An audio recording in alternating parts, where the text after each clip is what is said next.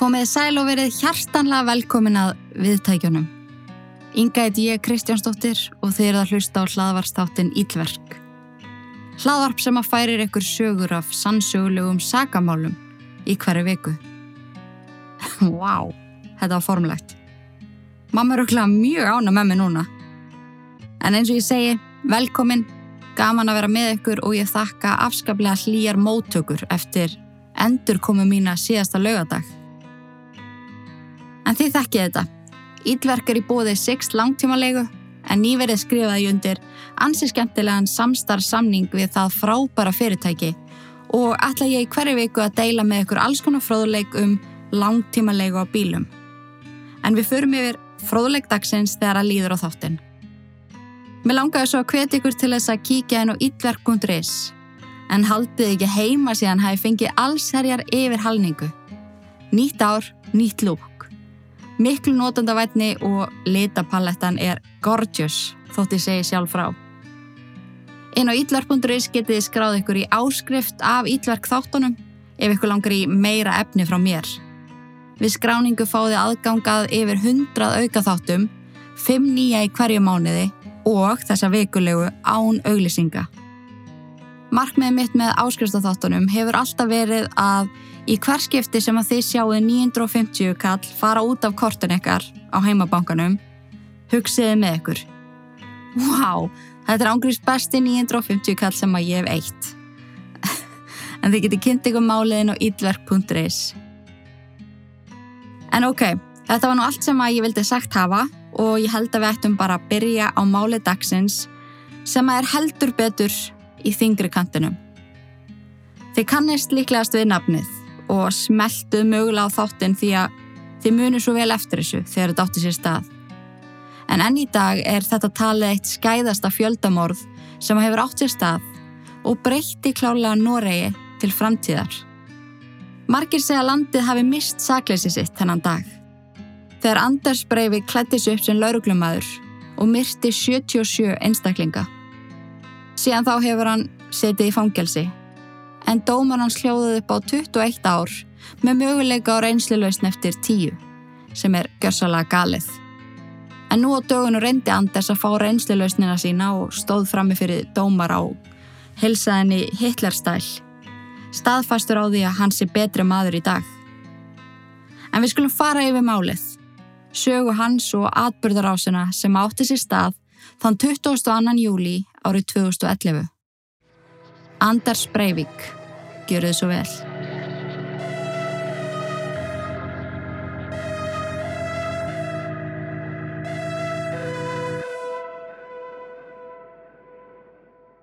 Förstu dagurinn 22. júli 2011 byrjaði ósköp venjulega.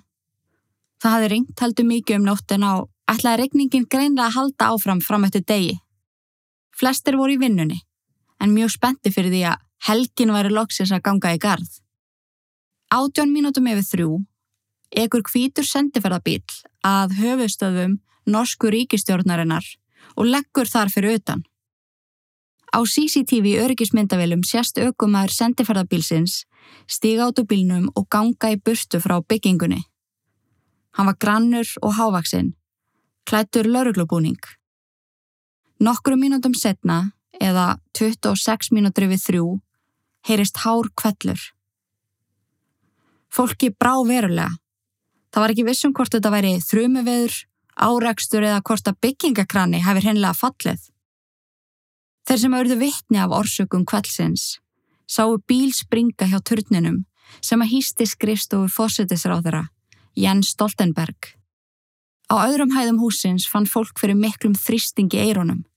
Jörðin hristist og skalf.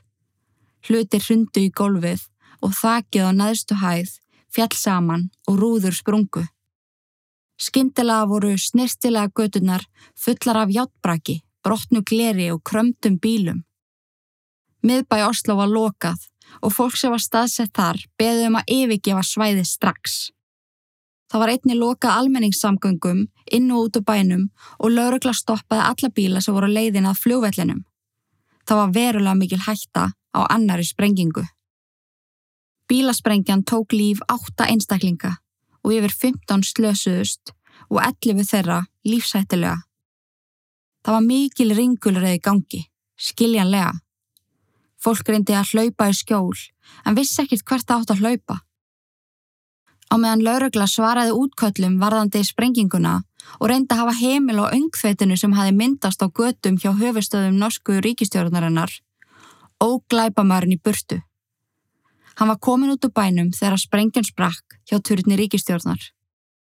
Anders Breivik var með plan sem að hann hafði undibúið í yfir nýju ár og ennþá var engin að trubla planið.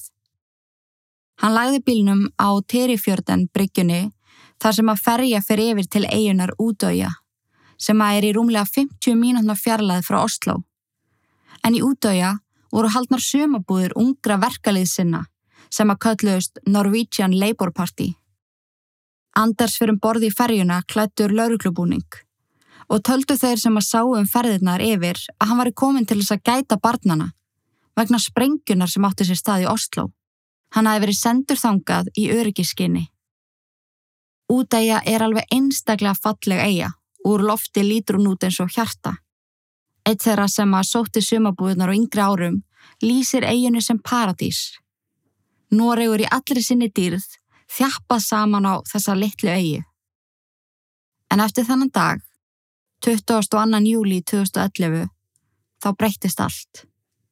Eigin var ekki lengur þessi fallegi greðarstaður, heldur helvíti hræðilegra minninga. Klukkan 17 mínútur yfir 5 sildi ferjan að bryggju útója. Anders gekk róla frá ferjunni og nálgæðist tvo umsjónamenn sem að buða hann velkomin, en hann sagðist að hafa verið sendur til þess að gæta öryggist þeirra sem voru á eiginni.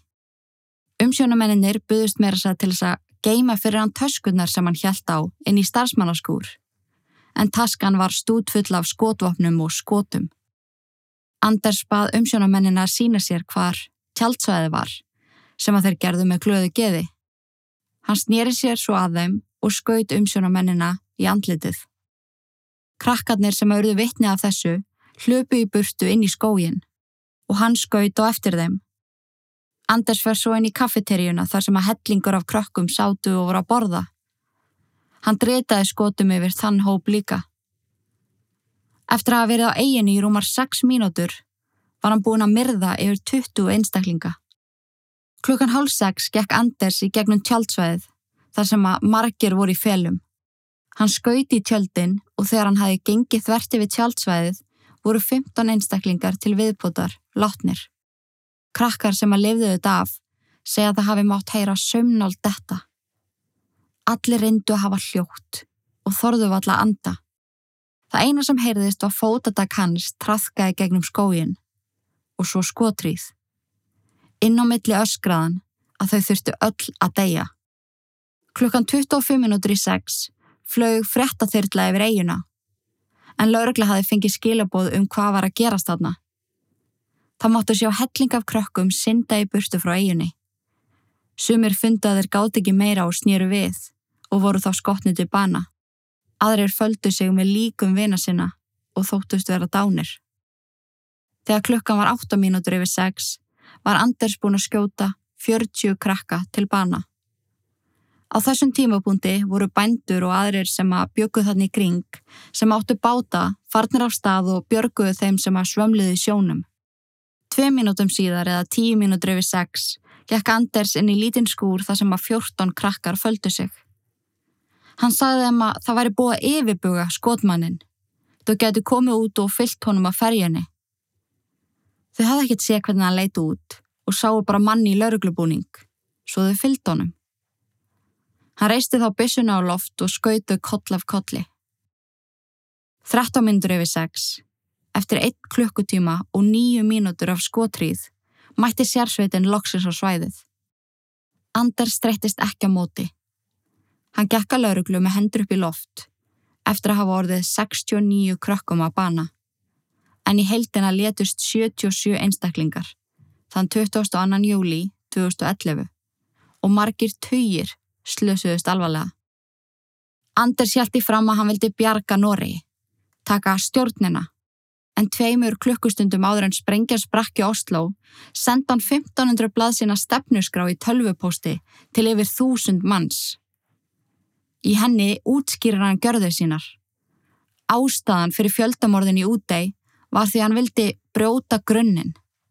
En þarna voru samankomnir leiðtúar framtíðarinnar, sveikarar upp til hópa, börn ríka fólksins sem á skorti ekkert. Hann taldi líka innflytjendur í Noregi vera vandamál og í stefniskráni talaði hann um útrýmingu þeirra og þeirra sem að trúðu á Íslam. Hann vildi að í Noregi byggja kvítt fólk með blá augu. En þetta var ekki það eina sem hann var búin að plana. Hann hafi líka hugsað fyrir því hvernig hann kæmi út þegar fjölmilar myndu fjalla um hræðilegar görður hans. Hann vildi verða þjóðþektur og heimstektur. Hann vildi að fólk myndi eftir því hvað hann gerði en hann vildi líka koma vel fyrir. Hann vildi ekki að einu ljósmyndirnar af honum á netinu væru fölar krimmamyndir eða af honum í fangilsinsbúning. Anders hugsaði fyrir því og tók af sig margar uppstilta ljósmyndir í hennum ímsu búningum. En ég skal setja þessa myndir á Instagram. En Anders hafði langan tíma sapnað alls konar búningum, til dæmis lauruglu, sprengjusveitar, sérsveitar og hershafðingjabúning. Og af hverju var hann að gera það? Spyrðið þið kannski. Ég held að ef við skoðum aðeins þannan karakter sem að Anders Breivik er, getum við komist nær svarinu við þeirri spurningu. En þessi partur á þættunum er eiginlega það sem ég var spentust fyrir, því að gæin er ekkit eðlilega fyrðulegur og lífans er svo innileg ekki eins og maður bjóst við. Við skulum skoða þetta saman. Hver í anskótanum er þessi Anders Breivik? Aðelinn bak við 2011 Norway Massacre.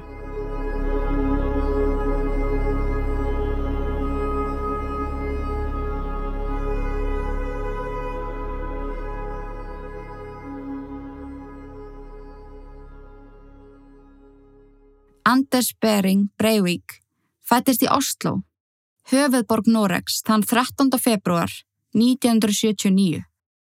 Hann er sonur þeirra Vensje Bering, hjúkurnafræðings, og Jens David Breivik, viðskiptafræðingur og diplomat hjá norska sendiræðin í London og setna í París. Þegar móður hans var ófrísk af honum, upplifði hún hatur í hans gard. Þegar hann sparkaði móðukvið var hún vissum að hann var að gera það viljandi. Hann vildi valdenir óþægindum. Hún var vissum að batni væri illt og sagði eigimanni sínum oft og mörgu sínum á meðgöngu hversu mikið henni langa að láta eigða fóstrunu en hún var komin of langt svo að það væri hægt. Ljósmaður skráði hjá sér að Vensi hafi alverðinu trúa því að fóstrið væri ílt og markmið þess var að ganga henni döðri.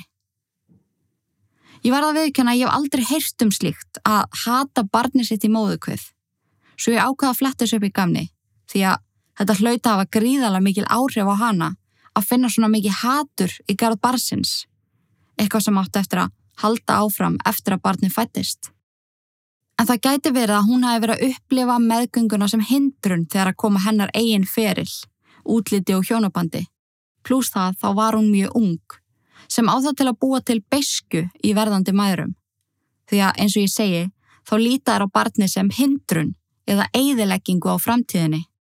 Mögulega var hún að upplifa eitthvað í þessa áttina En það mun líka koma fram setna í þættinum að konan áttu mjög erfitt andlega og áttu erfilegar hennar eftir að stegmagnast með árónum. Hún reyndi að gefa sinni sínum brjóst bara því að hjúgrunafræðingar og ljósmaður sögðan að gera það. En hún gata ekki. Því samkvæmt henni var barnið að sjúa úr henni lífið. Littla að þryggjamanna fjölskyldan bjó fyrsta ár Anders í London þar sem að fadur hann starfaði. En þegar fóreldra hann skilja þegar hann er átjámánaða gamall, þá flytjast maðgininn aftur til Oslo. Dagmæður og leikskólakennarar höfðu verilega miklar áhugjur af Anders þegar hann var um fjör ára gamall. En frá þeim tíma eru til skýrslur um andlega heilsu hans.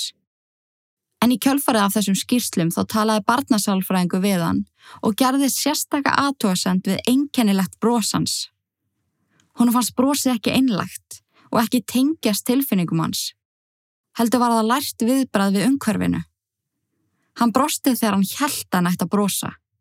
Það kom ekki í náttúrulega þegar honum fannst eitthvað fyndið eða ánægulegt. Þessar áhugju leikskólakennara, grunnskólakennara og svo kennara hans á úlingastígi voru alltaf viðlóðandi. Flestir sem að komist í kynni við Anders fannst alltaf eitthvað einkennilegt við hann. Á úlingadeild hitt hann annan barnasálfræðing sem að skrifaði aðra skýslu, en Anders hefur greinlega opnað sig í þessum tímum. Sálfræðingurinn hafði áhyggjur að því að móður hans kyngerði hann, beitti hann daglegu líkamlegu ofbeldi og það satt sérstaklega í Anders þegar hún óskaði þess að hann myndi deyja.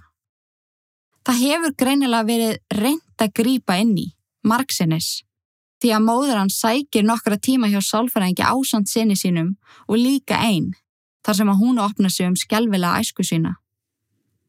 Sálfræðingu taldi hann að þjásta mjög alvarlegri jáðar personuleika röskun, djúbu þunglindi, árásagjartri hegðun og kynferðislegri brenglun og miklum hatri garð kallmana. Hún tók svo þessa tilfinningar út á sinni sínum nær alla hans æfi. Í kjölfarið af sálfræðitímum sem að Anders fór í þegar hann var yngri var komið honum að hjá gæðlækni og vildi sá læknir að hann erði fjarlaður frá mömmu sinni. Hún hefði ekki góð áhrif og ef þau heldu áfram að búa saman myndi hann aldrei þorskast almennilega.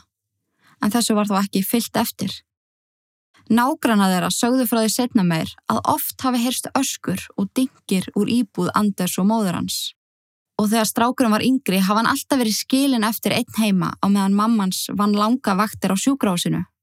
En hún var eins og við töluðum með máðan hjúkurnafræðingur af ment. Árið 1982 þegar Anders var fjórára gamall sæki mammans um fjáraslega aðstóð og stuðning fyrir sjálfa sig. En á þeirri skýslu sem var gerðið kjölfarið kom fram að hún var í gjörsanlega búin á því þegar að koma uppeldi drengsins. Hann var svo erfiður, hann var svo slæmu karakter og allt og kröfuharður með að við hversu ungur hann var. Í gegnum badnavendanemnd var ung par sem að tók Anders að sér um helgar svo að mammans geti kvílt sig á honum. Með því fyrsta sem að Anders gerir heima hjá helgarfóruldru sínum, aðeins fjóra ára gamall, var að vaða henn og klósett þegar fóstupappans var að pissa og grípa þjættingsfastum limin á honum. Þeim fannst þetta verulega undalegt, en reyndu samt að sína aðdökinu skilning. Strákurinn hafði aldrei umgengist karlmenn og vissi kannski ekki hvað þetta var. Hann hefur líklega styrið forvitin. Þetta var samt sem áður skráði eina af fjölmörgum skýslum um Anders. Hann síndi heldur aldrei neina tilfinningar. Þú vissir aldrei hvort hann var gladur eða sorgmætur. Hann greta ekki þegar hann mitti sig eða var hrættur. Hann hafði engan áhuga á því að leika við önnu börn og var með alveg einstaklega mikla þráikju fyrir útliti sínu. Hann þurfti alltaf að vera hreitt og velgreittur í nýpressuðum fötum. Hann fóldi ekki þegar hann var óhreitna á pötunum til dæmis. Og sama áttu við um þessi fái leikvöng sem hann átti. Þau urðu að vera fallega upp röðuð á sínum staði íbúðinni. Sálfræðinga telja að skert tilfinningagreindans eða hraðsla við að sína tilfinningar sé að því að mamman skammaðan ef hann greti eða hló af hátt. Hann var með tímanum skítrættu við afleðingarnar og taldi besta að láta sig minnst fyrir sig fara. Úr skýrstlu sem að barnasálfræðingu skrifaði árið 1983 stendur. Anders er fórnalamp móðu sinnar. Hún varpar sinni í vænisíki, árásagirni og óta og hatri til karlmanna yfir höfuð yfir á ungan són sinn. Hún segir hannu frá kynferðslegum hlutum og talar um allt í fari karlmanna sem að henni finnst ílt. Vegna þessa upplifir hann smánun, ofbeldisfullar hugsanir og stanslesan óta. Loka niðurstu rannsóknar eru þessar. Fjölskyldan er í mikilli neyð og þar hjálp. Andar skal vera fjarlæður að heimilinu strax Því með þessu áframhaldi mun hann ekki þroskast á eðlilegan hátt. Enn og aftur var lítið sem ekkert gert í því á fjarlæðana heimilinu, en Anders fekk þó áfram að eigða helgum hjá fóstufjölskyldu sinni, þar sem hann fekk loksins að upplifa eðlilegt heimilislíf. En ykkur neginn þá heyrði Jens David, pappi Anders, af gangi mála, en hann hafði ekki verið í neinu sambandi við maðgininn síðan þau fluttu frá London. Hann sótti þarna um fullt forræði við drengnum. En um leið og mamma Anders fretti af því, loka hann á alla aðstóð sem að þau voru að fá og sagðist vera full færum að sjá um svon sinn. Barnavend fór í mál við foreldra Anders og fór fram á að hann erði fjarlæður að heimilinu enn einu sinni. 1984 tapaði barnavend málinu og með tímanum glemtist það bara. Á sínum úlingsárum eitti Anders miklum tíma einn á vappinum Götur Oslo. Hann var mjög hrifin af graffiti og leik sér ofta því að graffa á veggi eða spreja á veggi. Hann var allur í hip-hop menningunni í Oslo og var partur á hóp sem gekk um bæin með stóran hátalara sem að spilaði hip-hop tónlist og sprejaði á veggi. Hann tók graffiti listina mjög alvarlega og eitti mun meiri tíma úti að graffa en aðrir í hópnum. Verkin hans hörðu þekkt og þá fór lauruglega að fylgjast með, þar sem að hann var að eidilegja almenningsegnir. Tviðsasinnum fekk mammans háa sekt fyrir skemdaverk svona síns, en þá hafði hún samband við pappans því að hún hefði gefna á borga sektina. Í annarskipti sem hún ringdi, saðist hann ekki vilja sjá eða heyra frá þeim framar. Anders var 16 ára gammal þegar pappans lokaði algjörlega á hann, en pappan segir samt alltaf á sögu. Að hans sögn var það Anders sem að loka á hann. Hann var alltaf að bjóða hann um að koma og reyna að hafa samband við hann, við litlar sem engar undirtektir. Maður veit ekki alveg hvað fór fram þeirra á milli, svona í raun og veru. 17 ára fór hann að eigða miklum tíma í rektinni og fekk vöðvabyggingu sína algjörlega á heilan. Hann vildi vera stór og sterkur og æfði allt upp í þrisa sinum á dag, alla daga vekunar ásand því að taka einn stera og vera á mjög ströngu mataræði. Anders var líst sem uppreysnagjörnum ungu manni. Hann gaggrindi fóruldra sína og aðra fyrir að styðja við norska verkamannaflokkin og hann gaggrindi mömmu sína verulega fyrir að vera feministi. Draumur Anders var að komast í norska herin en hann stóðst ekki kröfur og var talin óhæfur til þjónustu. Hann fór því að starfa hjá ónemdu fyrirtæki í þjónustu starfi og þurfti á hverjum degi að hafa mikil samskipti við alls konar fólk. Hann var alltaf vinalegur, en mjög upptekinn að því hvað öðrum fannst um hann. Hann var alltaf að spyrja, sérðu á mér að ég sé búin að bæta mig vöðamassa? Sérðu að ég var í húðreinsun? Það er kannski ekkit slæmt að spyrja svona, en fyrir um samstagsfélögum hans fannst það freka skrítið. Um tvítugt fór hann í nokkra lítaðgerðir. Ég veit ekki alveg af hverju ég er að taka þetta fram með það skipti kannski ekki máli, en það var bara samt enn meira ljósi á það hversu heldekinn hann var á útliti sínu. En hann let laga höguna, nefið og ennið og að virkilega ánaði með útkomuna og planið var að fara í fleiri aðgerðir og var hann með lista yfir hluti sem hann langaði að gera til þess að fullkomna útliti sitt. Árið 2005 þegar hann var 26 ára gammal þá kynntist hann konu á stafnamóta síðu. Þau voru daglega í mjög miklum samskiptum og hann heimsótt hana nokkru sinnum til Kvítarúslands þar sem hún bjó og hún kom svo til Oslo. Ég fann þó ekkert meira um þetta samband en, en þetta segir okkur þó að hann var færum að verða hrifin, greinilega ekki alveg tilfinningalauðs. Anders heldiði fram árið 2002 þegar hann var 23 ára gammal. Hann var tekið ákvörðunum að byrja að fjármagna árás og skrifa dagbók um undirbúningin. Það kemur samt ekki fram hvort hann hafi ákveðið strax hverskunar árás. En um það leiti stopnaði hann líka sitt eigið tölvu forrituna fyrirtæki. En hann hjælt líka áfram að starfa hjá ónefnda fyrirtækinu sem ég talaði um áðan. Tölvu fyrirtæki hans gekk mjög vel og eftir fyrsta árið unnu hjá hann um 6 starfsmenn og hann eignaðist fyrstu miljón norsku krónina sínar 24 ára gammal sem eru rúmar 14 miljónir íslenskra króna. Hann talaði um það í stefniskráni sinni eða í manifestóinu eins og þetta er kallað að hann hafi tapað 2 miljónum í hlutabrif 25 ára gammal og fljótlega eftir það var fyrirtæki í gjaldróta og Anders ákerðu fyrir fjárhagsleg lögbrót svo sem að taka peninga úr fyrirtækinu og gefa ekki fjárhæður upp til skatts. Eftir gjaldrótið flutt hann aftur inn til mömmu sinnar og fekk þar útlutað lítið herbyggi. Hann eitti mest öllum sínum tíma inn í herbyggja að skrifa stefnuskrána sína eða að spila tölvuleiki. En hann spilaði mjög mikið World of Warcraft og Call of Duty Modern Welfare, stundum dögum saman. En með því að spila tölvuleiki sagðist hann slaka á, ásand því að auka þekkingu sína á skotvapnum. Hann bjó hjá móðu sinni í rúm nýju ár, á meðan hann var að sapna sér pening og skrá hjá sér hvert skref undirbúnings. Þrítugur stopnaði hann búskaparfyrirtæki Breivik Geofarm sem að hann lísti sem engaræknu fyrirtæki í landbúnaði og var það stopnað til þess að rækta grammiti.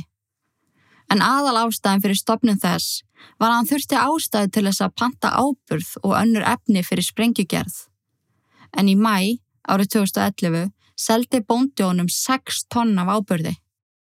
Árið 2009 þá fór hann til Prag í þeim erindagjörðum að kaupa ólögleg vopn. Súferð var fíluferð þar sem hann gati ekki með nokkru móti komið vopnunum til Noregs. Hann ákvað því að ná sér í bissuréttindi og kefti fyrstu bissuna sína í Noregi. 9 mm Glock 34 skambissu. Mánuði fyrir árásina 2011 náða hann að greiða niður allar sínar skuldir, en hann vildi að allir sínir fjármunir færu í að fjármagna komandi árás. En hann þurfti náttúrulega að kaupa fleiri vopn, skot og annan búnað.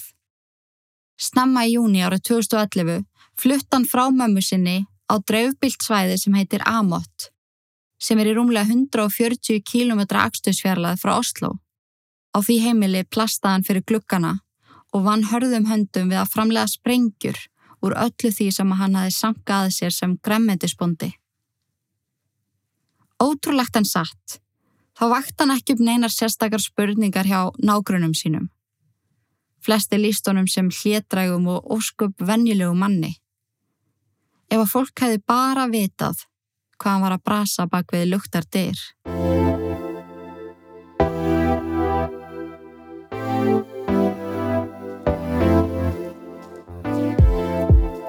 Í síðasta þætti þá sagði ég ykkur frá minni upplifun af bílakaupum og svo ég renni stuttlega við það þá hef ég alla æfi verið á rosalega ódýrum bílum. Ég hef lendt í alls konar skjálfilegum uppakomum sem að hljóða upp á mörg hundru þúsund. Ég er að segja ykkur það, ef að pappi heitin hefði ekki verið svona lungin við bílaviðgerðir var ég enþá að borga smálánum. Ég hef lendið í að húttið á bílum mínum fauk upp á framrúðuna á leðinni heim úr skólanum og mölvaði rúðuna. Ég hef lendið í að framdekkið bókstala brotnaði undan bílnum og ég hef kert först í öðrum gýr niður kampana.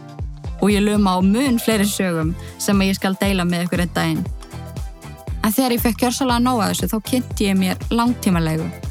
Gerði reikningin og komst að þeirri niðurstöðu að það væri hagstaðast fyrir mig á þessum tímapunkti og því fylgdi líka mikið öryggi. Ég var á glænjum bíl, ég var á góðum dekkjum, alla viðgerðir og viðhald eru inn í fasta verðinu sem ég borga á mánuði og ég losnaði þannig úr þessum eilífa vítaring. En það er mín hlið.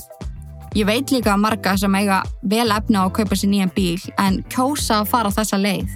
Því þeim einfallega langar að eigða peningunum sem í eitthvað annað heldur en bíl og bílalán. Six langtímalega býður upp á mikið úrval af bílum.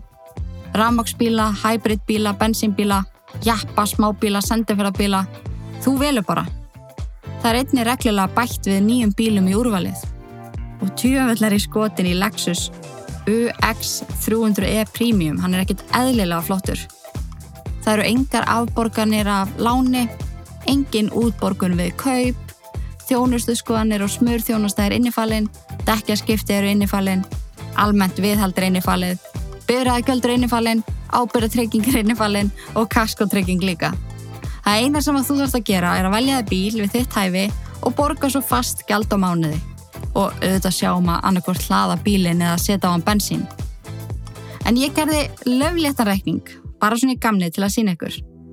En bílalán fyrir bíl sem að kosta fjóra miljónir hljóður upp á rúmlega 60.000 á mánuði að þú greiður út miljón og tekur svo bílalán fyrir restinni. Þegar þú tálnaði með að greiða bílnum hefur hann líklega slækka í verði. Plús það þá eru bílalán heldur óhagstæð. En með 6 þá getur þú verið með tveggjara samning og fengir svo bara glæniðan bíl að þeim tíma leðnum. Engi skuld og ekki tap því að þú ert að brasa með bílinn til að geta svo seltan. Þetta er drullu hagkvæmt og ég hveti ykkur til að skoða þetta. Ég hef allavega virkilega góða reynslu af slíkri þjónustu. Ég get líka bóða ykkur ansið skemmtilegan kóða sem að þið getur notað þegar þið gangi frá leigusamning. En með kóðanum Ítlverk þá fáið þið auka 250 km á mánuði ykkur að kostnaða lausu. Skoða þetta ná sixtlangtímalega.is Sixt. langtímalega á hagkvæmum kjörum. Takk og bless.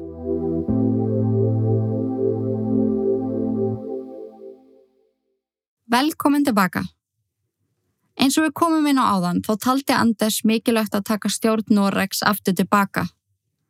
Hann vildi útrýma innflytjandum og þeim sem að trúða á Íslam. Hann var þjóðætni sinni og skrifaði þarna 1500 blað sína stefnusgrá sem fekk yfirheitið A European Declaration of Independence eða sjálfstæðis yfirlýsing Evrópu. Í stefnuskráni talar hann um hvernig hann vill hafa Evrópu, ekki bara Noreg en hann vildi að kvítt fólk með bláaugu væri allsráðandi. Hinnir þurfa að deyja. En eins og við fórum yfir áðan þá átti skotára sinni útdegi að virka sem ámenning því hann taldi leiðtóa sem voru við stjórn sveikara og ættu þessi börn sem að voru þarna á eiginu eftir að vaksa úr grasi sem sveikarar. Anders var nazisti og Adolf Hitler var hans fyrirmynd en það er þetta verulega í anda Hitlers en eins og þau munið þá vildi hann að hvíti ljósarður og bláeðir væru alls ráðandi þótt að hann var í sjálfur með brún augu og brúnt hár. Sprengjan sem að Anders sprengti í Oslo átti að trubla lauruglu svo hann gæti ekki að ferju útdei og framið fjöldamorðið. Og svo 90 mínútum áður en hann sprengti sprengjuna í Oslo þá senda hann út stefniskrána sína til þúsund manns. Þetta var allt saman planað og hann hafi haft nýju ár til þess. Hann vildi verða frægur og þekktur fyrir gjörði sínar. Planið sem hann vannað í nýju ár átt að sjá til þess að enginn myndi gleima því sem hann gerði. En hann vildi einnig með því að myrða allt þetta fólk auglýsa stefnuskrána sína sem hann taldi leikila velgengni og réttri þróun Evrópu. En skotára sinni í Noregi 2011 hafiði áhrif á allan heiminn. Til dagsins í dag er þetta skæðasta skotárás sem framinn hefur verið af einum einstakling í heiminum. 69 ungmenni létust í útei. Af þeirri tölu voru 33 þeirra undir 18 ára aldrei. Einstaklingarnir sem að létust í Oslo voru áttatalsins og það fólk var tekið af lífi einungis til að afvega leiða lauruglustörf. Anders vildi komast ótrublaður á leiðarenda. En eins og við fórum yfir í upphafi eftir að Anders hafi náð áallunaverki sínu, gaf hann sér fram þegar laurugla mætt á svæðið. Og það er ekki algengt að fjöldamorðingar gerir slíkt. Vanalega enda slíkar árásir með því að laurugla skýtur gerandan til bana eða gerandin tekur sitt eigi líf að áallunaverki loknu. Það var ekki þannig með Anders. Hann vildi lifa þetta af. Hann vildi sjá hversu mikil áhrif þetta átt eftir að hafa. Því ofar öllu öðru var þráinn til þess að gera eitthvað eftirminnilegt og verða frægu fyrir það. Eitthvað sem á honum tókst því miður.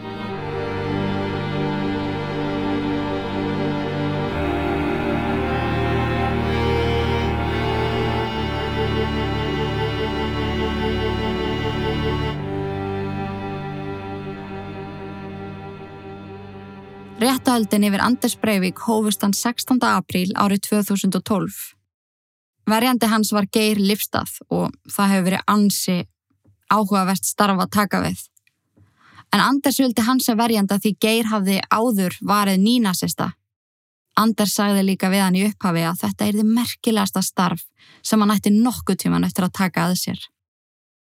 Það eina sem að verjandi hans gætt gerst var að reyna að fá hann dæmdan geðvekan svo hann geti setið dómsinn á geðspítala en þann 24. júni 2012 var hann dæmdur í 21 árs fangelsi sem er hámarksrefsing í Noregi. En á tíu ára fresti átti Andis rétt á að sækjum reynslilaust. En á sama tíma er á tíu ára fresti líka möguleiki á að lengja dómenans. Anders hafði gaman af réttahöldunum sínum. Það var hans augljóst. Hann reisti höndinu upp líkt og Hitler gerði alltaf og brosti ítrekkaði gegnum réttahöldin. Hann síndi enga yðrun, ekki einu sinni þegar var lesið upp nöfnin og öllu fólkinu sem hann myrsti. Í eina skiptið sem hann síndi tilfinningar og greiðt var þegar það var rætt um stjórnaskráhans því að hann var svo stoltur af henni. Málið við höfuð og réttahöldin voru á allra vörum um allan heim sem er nákvæmlega það sem Anders vildi. En hann ótaðist það aldrei að vera læstur inni. Þetta var allt saman markmiðið hans Hann vildi auglýsa stefnusgrána og hann vildi að sem flestir tækju mark á henni. Í fangelsi var Anders einangrar frá öðrum föngum. Eina fólki sem hann má hafa samskipti við eru sálfræðingar, geðlæknar, læknar og auðvitað fangaverðir. Árið 2015 eftir að hafa barist harst fyrir því fekk hann leifið til þess að hefja námi í stjórnmálafræði í fjarnámi við háskólan í Oslo. Árið 2016 hætti hann þó í því námi því að honum fannst aðstæðar hans í fangelsi svo slæmar. Hann sagði að herbyggja hans og náms aðstæður væru ómannúðlegar og hagur hann skipti fangelsis yfirvöld greinilega engu máli.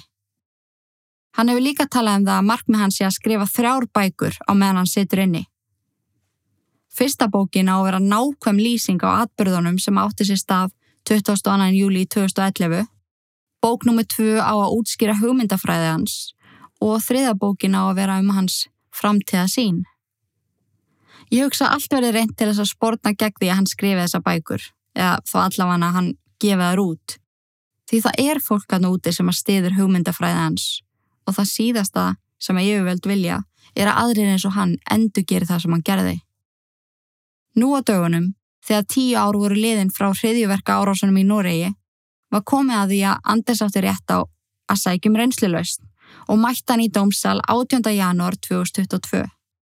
Réttageðlæknirinn Randi Rosenqvist, sem hefur nokkru sinnum verið fenginn til þess að meta andlegt ástand Anders, telur hann jafn hættulegan samfélaginu og fyrir tíu árum.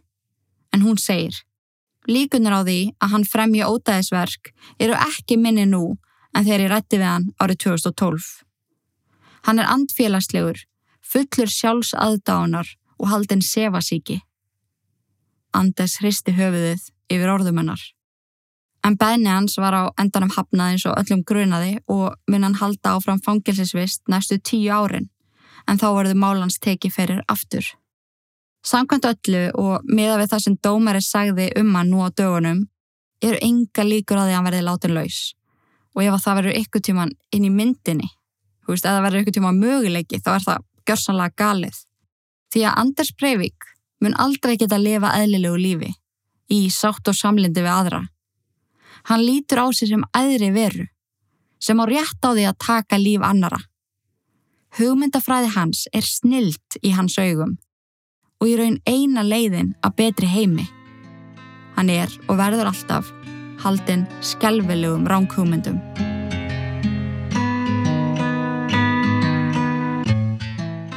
Það var ekkit eðlilega áhugavert að kynna sér þetta mál og ég viðkynna að ég hef aldrei gert það almennilega. Það sé ég skilsand ekki og einhvern veginn fann ekki út eða fekk ekki svona fullnægandi svar við. Þú veist, þráttur að allt sem ég skoðaði var afhverju hann fór á planeta. Hvað var það sem að svona hrindið í alvörun af stað? Það er ekki eins og hann hafi verið í pólitík eða neitt slíkt. Það er eins og honum hafi dottið þetta í hug eitt daginn og eitt nýja árum í að skipulega geta og skrásetja allt sem hann gerði í undirbúning. Ég er að spá hvort að það hafi verið út á fóröldramanns því að móður hans var mikill feministi og pappans pólitíkus. Ætla að hafi verið eitthvað í þeirra fari sem var hrindi af stað þessum ránkjómyndum eða var hann búin að kynna sér Hitler of mikið og búin að spila of mikið Call of Duty. En sama hvaða var, framkvæmdi hann eitt skæðasta hriðiverk heims sem að frami var af einu manni. Og því miður, þótt manni langi ekki að láta neitt eftir þessu manni, þá mun nafnið hans og það sem hann gerði aldrei gleymast. Ég vil þakka ykkur kærlega fyrir að hlusta. Takk fyrir að vera til og í guðanabænum forðist öll ítverk. Nefna þetta podcast. Verið þið sæl. Haugur, take it away. Eftir lukku. Sýnda sáli sem í djúpa hafi sökku Gangin líf eins og flugur inn í krukku Meðan 666 andast uppu Sættu sjöfið og þú dottir eftir lukku. Sýnda sáli sem í djúpa hafi sökku Gangin líf eins og flugur inn í krukku Meðan 666 andast uppu Þegar úti fyrir að dimm og frostin ístir inn að beini. Engin engil sem að veiti verði í eidulögðum heimi Sem að lagðist í eidi með heift og sakleysingjar týndu lífum. Verkin ítlu sem að fólki sá í sínu sínum Hversu margir hræðast drauga? Hversu margir hræðast að það horfi í auku dauða? Saugu taka mann á taugum eins og andar sem að herja mann. Hvaði voru á himnum fyndu engil til að verja mann. Hjartaslæri svo það sé með djöfulinn á hælunum Refur á móti hænunum, úlfur með sögða gæru Ílska reykar í bænum og lömpi þakma þórað ekki að vanda. Allt og marga sálir sem að tilbyðja fjanda Hamingja krasar eins og skip sem strandar anda Þráttur milli handa hættir að vanda Þegar að þreyttir að hálsi. Þegar ótti tekur yfir missa sakri syngjar málið eins og nortni galdra fári. Bættu sjöfið og þú dottir í lukku. Sýnda sáli sem í djúpa hafi sökku Gangin lífi eins og flugur inn í krukku Meða 666 andast luppu Bættu sjöfið og þú dottir í lukku. Sýnda sáli sem í djúpa hafi sökku Gangin lífi eins og flugur inn í krukku Meða 666 andast luppu Er það reyði sem að geri megin Skeppnuskapur eins og grimmir hundar sem að naga bein Eins og rifur inn í hænsna kofa hænur sofa svefninum langa þegar að andar koma. Þegar illir andar taka yfir liði fyrir yfirlið ef ljósið andar fara fyrir. Flesti kjósa fá að halda friði liðið í þar um og missi trúna sem það liði fyrir Flesti standa eftir og stara bara hefndi sjúkum hug eins og hjá blóðþyrstum talíbana Þau þurfa að byggja fyrir sálum sínum. Eins og fíkil sem er háður vímu þjáður er í sálum sínum. Byður um það eitt að hlusta sé á alla bænir sínar. Engið hefur grýtt að vegi alla fokkin æfi sína. Við skulum kveikja nokkru kertum á. Viltu fá að sjá 666 vandamál? Bættu sjöfið og þú dottir ert í lukku. Sýnda sáli sem í djúpa hafi sökku Fangin lífi eins og flugur nema 666 allast hljöpu Hlættu sjöfið og þú dottir eftir lukku. Týta sáli sem í djúpa hafi sökku Hangir lífi eins og flugur inn í krukku meðan 666 allast hljöpu Býðum í andartak, andarfrátur, andarfar. Í andarklassi skilji andar eftir andafar Býðum í andartak, andarfrátur, andarfar. Í andarklassi skilji andar eftir andafar Býðum í andartak, andarfrátur, andarfar handa glasi skilji andar eftir handafar býður mér andartak andadráttur andvarpar. Í handa glasi skilji andar eftir handafar